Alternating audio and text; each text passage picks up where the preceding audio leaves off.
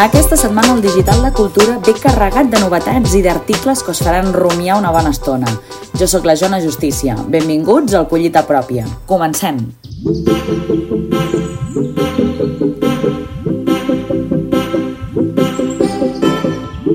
I arrenquem el sisè episodi amb l'article de Jordi Martí Montllau, titulat Sobre el tansamanfotisme lingüístic, on planteja que la normalització de la llengua catalana és indestriable d'una política econòmica i d'una educació que promoguin l'alliberament de la comunitat. L'autor ens explica la tesi de l'article. Les llengües com la nostra, que cohesionen grups humans totalment bilingüitzats, políticament subordinats i legalment condicionats, només tenen una carta per continuar jugant la partida de l'existència, el fet que identifiquen un poble que encara vulgui continuar sent. Però quin sentit li resta a llengües com el català si ja ni tan sols sabem què és Catalunya, si cada cop més, com passa en tants altres indrets del món, la nostra societat esdevé un fons sobre el qual viure una vida de consum i d'entreteniment, una vida sense profunditat plana com la cinta d'una sèrie de Netflix. La impaciència és el nou article de Montserrat d'Amazon, en el qual tracta d'un sentiment molt comú, el fet de voler tenir parella, però al mateix temps no voler-ho manifestar. L'autora ens explica com se li va acudir el tema. L'article és un producte de, de temps de, de sentir-me d'aquesta manera. En general, el que fem els que sentim aquesta impaciència és intentar no donar-li tanta importància per poder seguir visquent. Però la impaciència té pics. Jo el diumenge, que és quan ho vaig escriure, vaig tenir un pic i vaig dir, penso aprofitar aquesta energia per donar-li a la columna la vida que la primera columna que he escrit no tenia. Llegeixo un fragment que il·lustra aquesta impaciència. Diu, estar sol no és sentir-se sol, però buscar i no trobar nodreix una insatisfacció que afecta la manera com mires el món, i sí que t'hi sents. Em sembla que són coses que costen molt de dir, però que sí pressuposa l'infantilisme de pensar que emparellat tot és millor. I tu ja ho saps, que emparellar-se no és una millora intrínseca, però t'agradaria que tot fos com és, millor o pitjor, amb algú altre. No dubteu en llegir-lo.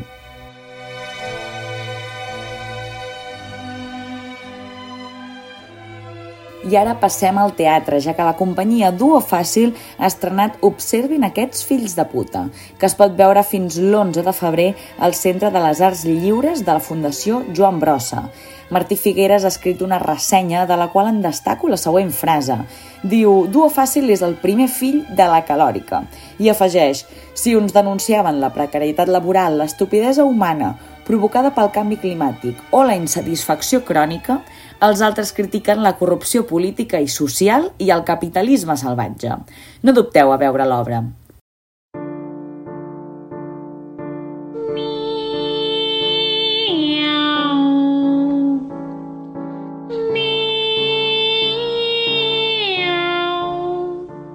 I Neila Frank ens convida al Música Z, un cicle musical que es fa en diversos centres cívics de Barcelona per donar a conèixer talents emergents de diferents gèneres musicals i també per apropar l'art als barris. El concert, inclòs en el cicle, ofereix peces de famosos compositors com Félix Mendelssohn, Robert Schumann, Johannes Brahms i Gioacchino Rossini. L'actuació està dividida en dues parts, la primera interpretada pels alumnes del Conservatori del Liceu i la segona per dos dels integrants del trio Mornell.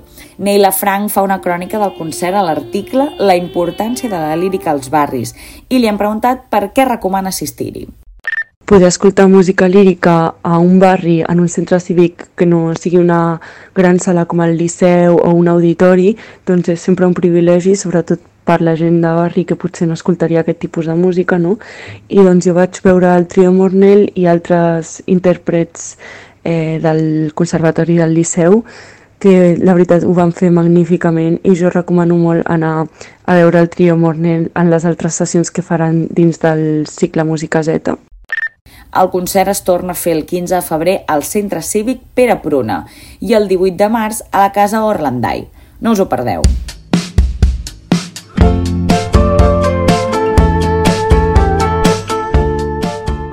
El suplement Faves Tendres d'aquesta setmana està dedicat a la 19a edició del Festival Literari Barcelona Negra, que se celebra del 5 a l'11 de febrer a Barcelona i que enguany acull desenes d'activitats i compta amb més de 150 autors convidats. El festival té com a fil conductor l'imaginari dels agents secrets i la idea de falsa intimitat en un món cada cop més virtualitzat. Són molts els llibres que tracten aquests temes, però avui destaquem Això no és un western, de Xavier Aliaga, un llibre que critica la mala gestió del govern respecte de les generacions ben preparades que només aconsegueixen feines precàries. Anna Carreras ha publicat la ressenya Un món d'homes brutals, on opina el següent. Crec que escriu una de les millors novel·les de gènere en català de tots els temps, no només per la defensa radical que fa de les dones, sinó també per un llenguatge treballat que pot anar del renec fins a la poesia més deliciosa i sobretot per un inici molt original dins el propi gènere en què l'inspector i la subinspectora estan lligats de mans i peus en un cubicle a les fosques. Per mi, una de les millors novel·les que he llegit últimament. I si en voleu saber més, Xavier Liaga assistirà el pròxim 9 de febrer a dos quarts de sis al cinema Bosque a la taula rodona Rumor al capvespre, juntament amb l'autora Roser Messa i Fernando Benzo. També aquesta setmana us recomanem llegir l'article Els joves no són el futur, de Bernat Romaní, inclòs en la sèrie El món no ens espera. Comença així. Diu, sempre m'ha agradat aquell acudit que diu Mare, mare, quan comprarem pa d'avui? Demà, fill, demà i penso quan sento l'expressió que els joves són el futur. I afegeix, jo us animo, joves, a recuperar els Fridays for Future, els divendres de vaga per reclamar accions per redreçar la crisi climàtica. I us proposo que en comptes de vaga sense classe, feu a la japonesa, una hora de classe extra. La podeu dedicar a activar solucions. Podeu comptar amb mi preguntem a Bernat Romaní com hauria de ser aquesta col·laboració intergeneracional i la seva petició comença pel cinema. A la gent del cine els demano que facin pel·lícules amb històries inspiradores on es vegi la col·laboració de gent adulta amb experiència, actors amb experiència i la força dels joves. I d'altra banda que no es quedin només amb guions de denúncia o alliçonament perquè això penso que només va un tipus de públic.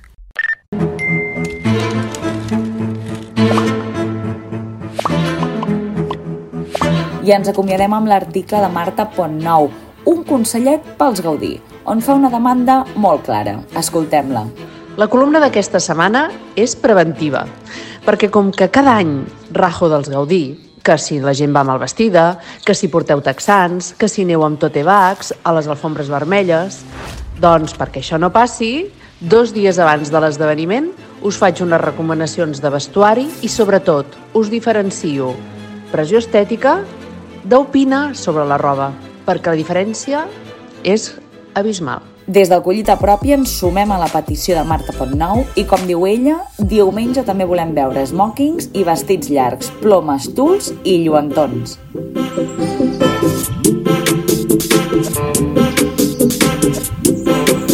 ja abans de marxar us anunciem un projecte de núvol que ens fa molta il·lusió, coincidint amb el Dia Mundial de la Dona i la Nena a la Ciència, que se celebra el diumenge 11 de febrer, la setmana vinent publicarem una sèrie d'entrevistes a científiques de primer nivell, de tots els àmbits que investiguen el nostre país.